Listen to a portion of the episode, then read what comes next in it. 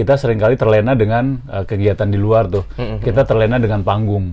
Yang beli banyak banget gitu ya. Ya. Pas ketika ngitung di apa? Ketika ngitung di di cash flow-nya, lah kok rugi ya jadinya ya. Ah, Itu itu yang pertama tuh. Jadi kita ngelihat biasanya yang namanya medical check up brand itu yang kita lihat adalah financial uh, health-nya nih, kesehatan finansialnya kayak apa sih? Iya, keuangannya kayak apa. Itu akan kelihatan uh, apakah ya secara gampang sebetulnya apakah uh, penghasilannya lebih tinggi dari pengeluarannya. Smart Business. Podcast Smart Business kembali lagi bersama dengan Anda. Kali ini bersama dengan saya Daril Adam. Kita akan ngomongin masalah hal yang berhubungan dengan kesehatan ya. Banyak orang yang berbondong-bondong melakukan medical check up hanya ingin tahu ada apa sih dengan keadaan fisiknya. Nah, itu yang kadang-kadang membuat kita ketakutan ya. Tapi hal itu mungkin juga bisa dilihat dari tampilan luar. Kalau biasanya orang yang fit sehat, bugar, identiknya dengan tampilan mukanya yang fresh, yang seger, kayak narasumber saya yang satu ini. Di usia-usia beliau yang sudah mendekati senior citizen, masih terlihat sehat dan bugar, bahkan beliau suka dengan jogging.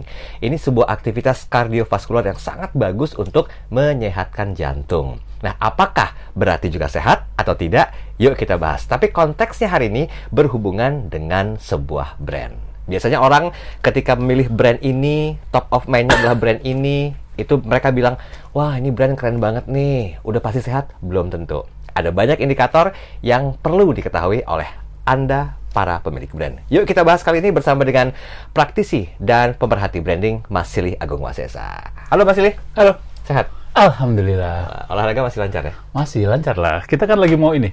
Apa tuh? Bali Marathon. Oh, kapan? Agustus. Wow. Persiapan dari sekarang. Persiapan dari sekarang lah. Jadi semua yang berhubungan dengan aktivitas fisik, nutrisi, Yes. kecukupan istirahat, Ya, starting from now ya. betul.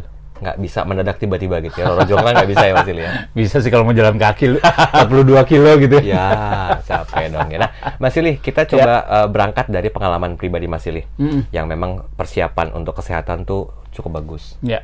Uh, edukasinya juga mumpuni gitu ya sehingga ma- mampu menciptakan diri yang sehat seutuhnya gitu ya. Ya. Nah tadi saya kembali lagi di awal mengatakan apakah emang orang yang terlihat sehat Hmm. itu sejatinya sehat kan belum tentu. Mereka harus melakukan medical check up secara keseluruhan Yes. gitu ya. Itu Ya. dari sisi fisik seseorang. Hmm. Nah, bagaimana dengan brand Mas Ili? Apa sih indikator-indikatornya brand itu dikatakan sehat?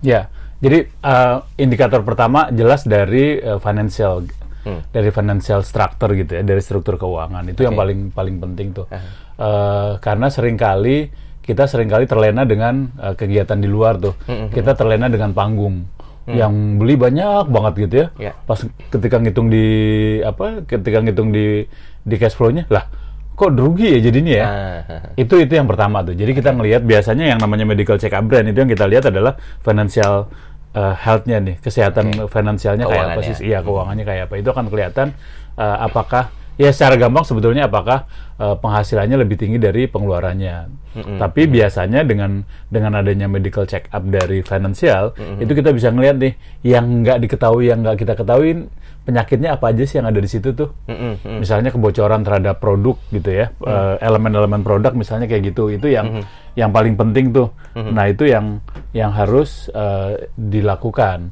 Yang jadi kalau kita nggak tahu kondisi finansialnya emang agak agak repot. Hmm. Beberapa UKM bahkan nggak punya nggak punya keuangan tuh financial cash flow-nya nggak ada tuh. Oh, oke oke. itu nah itu yang harus dipahami juga jangan sampai nyampur antara bisnis dengan urusan eh, rumah misalnya. Itu itu juga itu salah satu. Yang kedua adalah paling penting adalah gimana konsumen mempersepsikan brand kita itu sendiri. Terus kita sering sebut yang namanya brand equitas. Brand equity itu persepsi terhadap kualitas. Bukan kualitasnya sendi- itu sendiri ya tapi persepsi terhadap kualitas. Kalau kalau konsumen ngerasa bahwa brand kita eh, udah jelek gitu ya di persepsinya dia ya udah selesai. Oh. itu Jadi kalau persepsi orang itu terhadap sebuah brand udah jelek, udah pasti selesai. Iya, iya. Apalagi word of mouth marketing masih bermain di sana ya. Ya, betul. Seberapa besar kira-kira pengaruhnya antara persepsi yang diciptakan sama publik atau konsumen terhadap kesehatan brand sendiri? Karena kan Ya. egoisme dari pemilik brand kan pasti kuat kan? Ah enggak, brand gue bagus kok, buktinya nih cash flow gue lancar. Walaupun publik mengatakan biasa aja brandnya, Uh, orang masih melirik ke kompetitor gitu. Nah, Ya. indikatornya apa Silly? Kalau seandainya Ah. simulasi kasusnya terjadi seperti itu Mas Silly? Iya, indikatornya tetap di hasil jualan ya. Ah, Artinya revenue. ke revenue. Itu itu sering. Jadi misalnya gini, ketika ketika brand itu dipersepsikan negatif gitu ya, Mhm. harus cek ke kemudian kita nggak ngerasa cek ke jualan. Saya kasih contoh nih, uh, ada salah satu brand uh, dia brandnya brand uh, hijab gitu ya. Mhm, Uh, satu saat kemudian dia dia uh, bikin promo bahwa hijabnya Mhm. adalah sertifikat halal Oke, oke. itu kan kontroversi banget tuh. Yang satu uh, biasanya asosiasinya dengan makanan gitu, tapi dia pakai buat hijab. Dia buat, buat pakai hijab. Jadi yang menghujat banyak banget. Ini ini brand uh, lebay banget sih gitu. Bukan makanan tapi kayak gitu. Nah, terus kemudian ketika ngobrol, gue bilang, lu cek aja jualannya lu naik nggak? Jualannya naik. Udah selesai kalau jualannya naik. Berarti target market yang dia ambil memang dapat seperti itu gitu. Nah, tinggal bagaimana melakukan klarifikasi ini. Itu kan yang yang terjadi. Jadi persepsinya itu memang harus dicek ke ke jualan kita gitu. Oke, oke. Itu. Jadi revenue masih memegang peranan penting ya, Ya. untuk mengindikasikan apakah brand itu sehat atau tidak gitu ya. Ya. Nah, Mas Silly, uh, saya menganalogikan tetap menganalogikan tetap ke uh, arah kesehatan diri.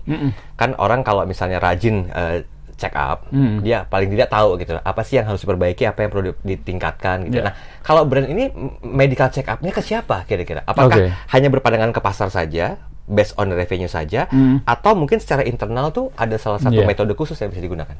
Ada metode khusus sih. Kita sebutnya sebagai brand health check gitu ya. Cek brand kesehatan dan banyak kok itunya unsur yang dimunculin. Tapi tiga tuh yang dicek tuh. Yang pertama adalah finance-nya, yang kedua adalah persepsi konsumen, persepsinya macam-macam nanti bisa diturunin. Yang ketiga adalah pemilik. Nah, itu value pemilik itu akan mungkin nggak harus pemilik, tapi value brand value-nya ini yang menjadi menjadi penting gitu ya. Kalau UKM jelas otomatis ke pemilik, tapi kalau brand-brand gede dia akan ke value-nya sampai seberapa jauh. Masih sama nggak value-nya gitu. Atau value-nya udah nggak sesuai dengan zaman misalnya. Nah, itu biasanya kita ngecek di tiga hal itu tuh. Nah, dari tiga hal itu nanti kelihatan tuh elemen apa aja sih sebetulnya yang paling eh, yang eh, apa yang harus diperbaikin apa aja gitu. Mhm. Otomatis ini berpengaruh terhadap turunannya seperti kompetitor. Ya. Bagaimana peran kompetitor terhadap uh, Ya, brand health? eh, jadi misalnya gini, ini yang pertama nih, eh, katakanlah tentang eh, eh, apa, tentang value gitu ya, tentang value. Kita ngomongin persaingan itu deh, persaingan air minum dalam kemasan. Oke, kan sekarang lagi seru banget tuh. Ya, ya, ya, benar. Ada ada Aqua, ada Lemin gitu ya. Terus satu lagi sekarang eh, punyanya orang tua tuh eh, Kristalin gitu. Oke, Kristalin juga udah mulai naik gitu. Nah, terus satu lagi yang mulai masuk menggantikan Aqua ini menarik nih adalah teh pucuk. Jadi teh bukan minuman air minum dalam kemasan tapi dalam beberapa survei dia sudah mulai orang kalau mau nyari eh, le minerale nggak dapet ada aqua sama teh pucuk dia milih teh pucuk misalnya. Itu kan udah ini ini ini persaingan yang menarik nih. Ya, ya. nah eh, gimana kompetitor ngelihat eh gimana kita ngelihatnya? Dulu aqua bermain dengan yang namanya eh, sehat untuk lingkungan. Oke. Artinya airnya berasal dari pegunungan dan lain sebagainya gitu. Tapi kemudian sekarang kan semua air minum mentasbihkan bahwa dia dari pegunungan nih. Mm-mm. Semuanya sama tuh dari pegunungan yang sama gitu. Karena karena pemainnya sama-sama besar gitu. Aqua Danon, kemudian Lemin eh, Mayora, Kristalin orang tua, mereka punya punya engine yang sama nih Ya, untuk ya, ya, mem- meyakinkan konsumen. Sekarang mainnya di mana? Mainnya kemudian udah masuk ke rasa. Oh, ada manis-manisnya. ada manis-manisnya gitu. Lemon orang milih ah gue lemon deh ada manis-manisnya gitu ya. Terus kemudian kalau kristalin enak gue nggak begah kalau minum ini gitu. Nah ini ini ini salah satu contoh tuh sehingga pertanyaannya Aqua sebagai market leader sebagai pemain lama dia harus ngerubah apa enggak nih? Ah, Dia oke, harus ngerubah apa oke. enggak karena ternyata kompetitor punya punya eh, kekuatan yang yang khas gitu ya. Walaupun mungkin secara jualan eh, mungkin belum sama dengan Aqua tapi ini udah pasti akan menggerogoti pasarnya Aqua. Berarti aktivitas-aktivitas yang dilakukan sama kompetitor itu sebetulnya bagian dari sebuah ancaman ya Mas ya? Yes. terhadap sebuah brand ya. Yes. Itu berpengaruh terhadap brand health itu sendiri. Iya.